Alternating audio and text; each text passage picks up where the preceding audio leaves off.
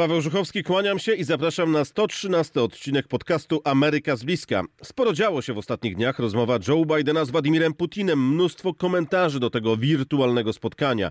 Oczywiście temat koncentracji rosyjskich sił przy granicy z Ukrainą, konsultacje Bidena z przywódcami Francji, Niemiec, Wielkiej Brytanii i Włoch. Kraje te Biały Dom nazwał kluczowymi europejskimi sojusznikami. Była też rozmowa Bidena z prezydentem Ukrainy, szczyt dla demokracji oraz rozmowa Bidena z bukaresztańską dziewiątką. I o tym właśnie dziś w podcaście Ameryka z bliska. Paweł Żuchowski, zapraszam.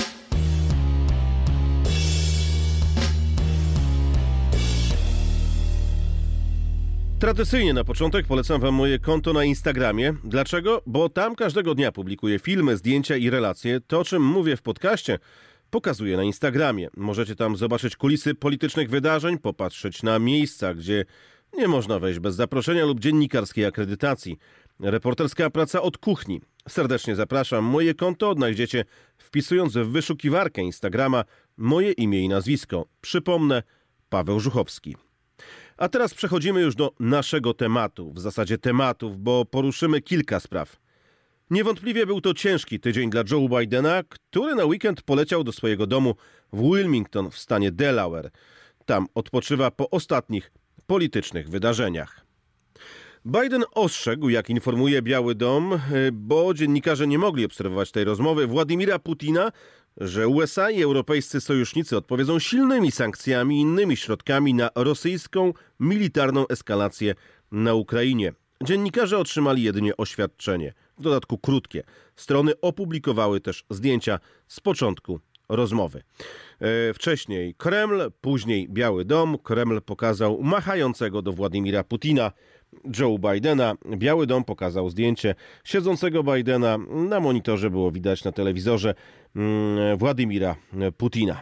Prezydent Biden wyraził głębokie zaniepokojenie Stanów Zjednoczonych i europejskich sojuszników dotyczące eskalacji rosyjskich sił otaczających e, Ukrainę i jasno przekazał, że USA i ich sojusznicy odpowiedzą silnymi gospodarczymi i innymi środkami w przypadku militarnej eskalacji. Napisano w komunikacie po zakończeniu trwającej ponad dwie godziny rozmowy obu liderów.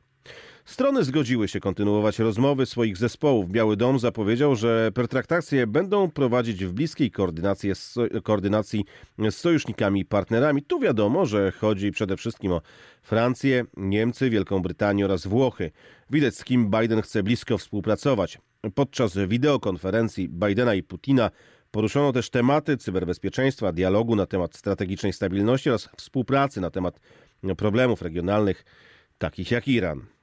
Doradca Joe Bidena do spraw bezpieczeństwa narodowego Jake Sullivan w czasie konferencji prasowej, która odbyła się krótko po rozmowie przywódców Rosji i USA, podkreślał, że Biden zaoferował Putinowi alternatywę w postaci dyplomatycznych sposobów rozładowania napięć i mechanizmów takich, jak, jakich używano w czasie zimnej wojny. Doradca Bidena stwierdził, że choć nie może zdradzać szczegółów rozmów na ten temat, to prezydent USA nie dał prezydentowi Rosji żadnych gwarancji dotyczących przyszłości Ukrainy w NATO. Ja przypomnę, Rosja domaga się zagwarantowania, że Ukraina nie stanie się członkiem NATO. Putin nie chce sił NATO w pobliżu granic Rosji.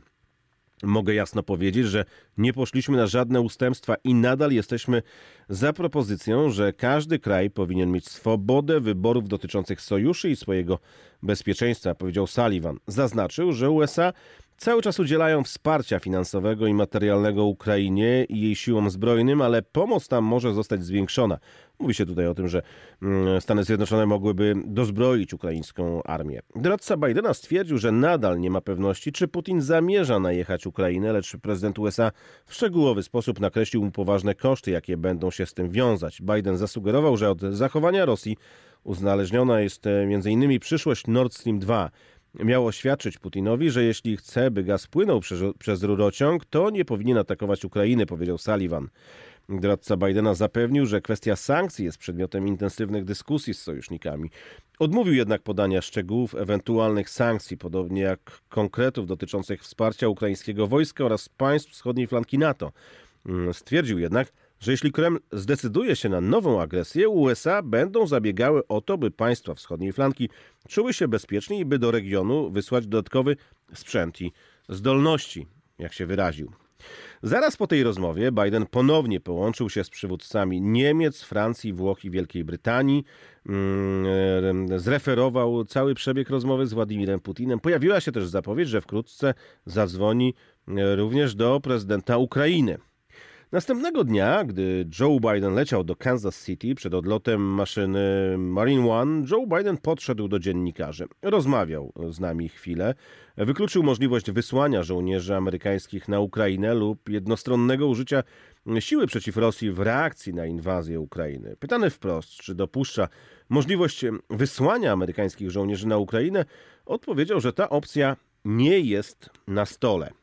Mamy moralne zobowiązanie i prawne zobowiązanie wobec naszych sojuszników w NATO w związku z artykułem 5. To święte zobowiązanie. To zobowiązanie nie odnosi się do Ukrainy, powiedział Biden. Stwierdził mm, też, że podczas rozmowy z rosyjskim prezydentem zagroził mm, mu użyciem sankcji, jakich nigdy wcześniej nie widział, wysłaniem dodatkowych sił na wschodnią flankę NATO i zbrojeniem Ukrainy. Oznajmił jednak, że w przypadku nowej rosyjskiej mm, inwazji na Ukrainę nie zamierza jednostronnie użyć siły przeciwko Rosji i dodał, że zależałoby to od działań innych członków NATO. Przy okazji wydarzeń z udziałem amerykańskiego przywódcy odbyło się wiele rozmów na niższych szczeblach. Na przykład sekretarz stanu USA Antony Blinken rozmawiał z przewodniczącym Rady Europejskiej na temat koncentracji rosyjskich e, wojsk wzdłuż granic e, Ukrainy. E, poinformował Departament Stanu USA. Politycy mieli wyrazić poparcie dla suwerenności Ukrainy i wezwać Rosję do deeskalacji.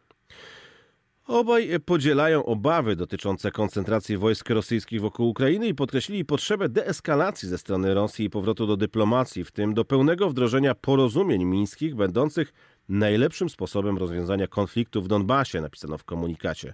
Przedstawiciele władz USA i Unii Europejskiej mieli zgodzić się też co do potrzeby szybkiego nałożenia poważnych sankcji na Rosję, jeśli zdecyduje się na eskalację swojej agresji na Ukrainie. Temat koncentracji rosyjskich sił to jeden z tematów, które są chyba obecnie najbardziej e, komentowane na świecie. Szef ukraińskiego wywiadu wojskowego ocenił e, w wywiadzie dla New York Timesa, że Ukraina nie byłaby w stanie skutecznie odeprzeć rosyjskiej inwazji bez pomocy wojsk krajów Zachodu. Podobnego zdania są inni ukraińscy dowódcy.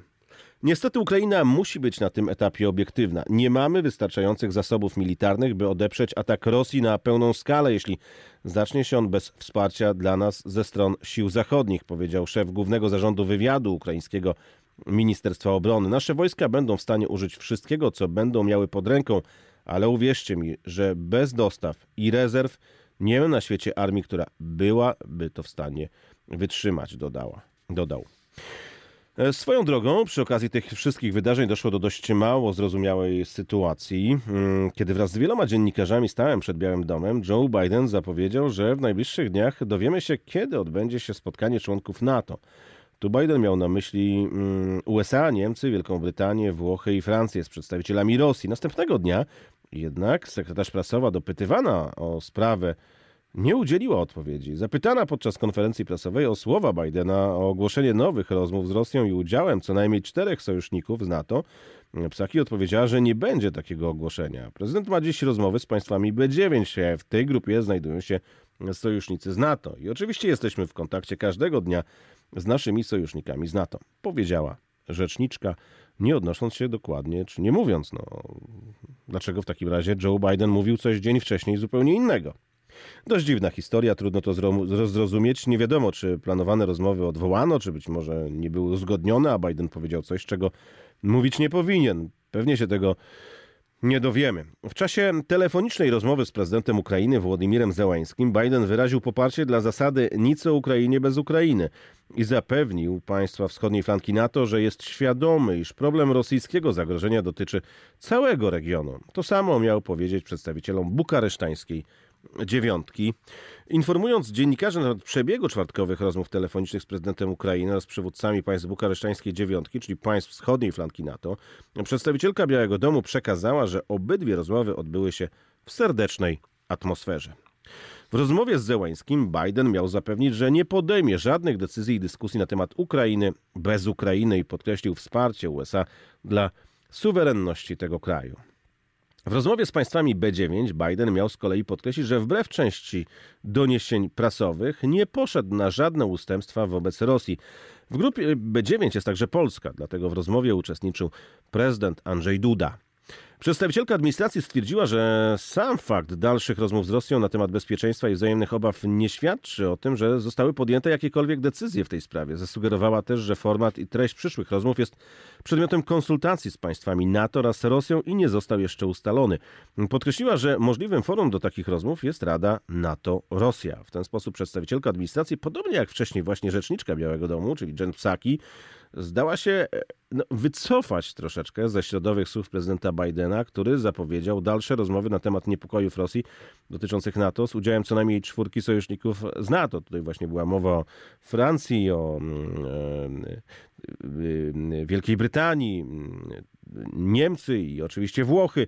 No, czyli ta grupa razem z Bidenem, przedstawicielem Stanów Zjednoczonych, która ostatnio dosyć często konsultuje się właśnie w sprawach konfliktu z Rosją. Prezydent USA miał zapewnić sojuszników ze wschodniej flanki, że jest świadomy, iż kwestia zagrożenia ze strony Rosji nie dotyczy tylko Ukrainy, ale całego regionu. Rozmowa miała dotyczyć również doskonalenia rozmieszczenia wojsk e, NATO i czynnika odstraszania. Za nami też pierwszy szczyt dla demokracji. Otwierając go, Biden podkreślał, mm, w ten sposób autokraci starają się zwiększyć swą władzę, eksportując i poszerzając swoje wpływy na całym świecie i usprawiedliwiając swą represyjną politykę i praktyki jako skuteczniejszy sposób na sprostanie dzisiejszym wyzwaniom, mówił Biden, otwierając wirtualny szczyt dla demokracji. Brał w nim udział również prezydent Andrzej Duda. Wybory, jakich dokonamy w tym momencie, fundamentalnie zdecydują o kierunku, w którym świat będzie podążał przez kolejne pokolenia. Czy pozwolimy na cofanie się demokracji, czy będziemy mieć wolę, by mieć wspólną wizję i odwagę i jeszcze raz przewodzić marszowi ludzkiego postępu i ludzkiej wolności. Z kolei zamykając rozmowy, podkreślał, że autokracje nie są w stanie zgasić żaru wolności, oświadczył na zakończenie pierwszego szczytu dla demokracji prezydent USA Joe Biden – Obiecał, że przeprowadzi reformę praw wyborczych i będzie w większym stopniu wspierać dostawy szczepionek przeciwko COVID-19 do innych krajów.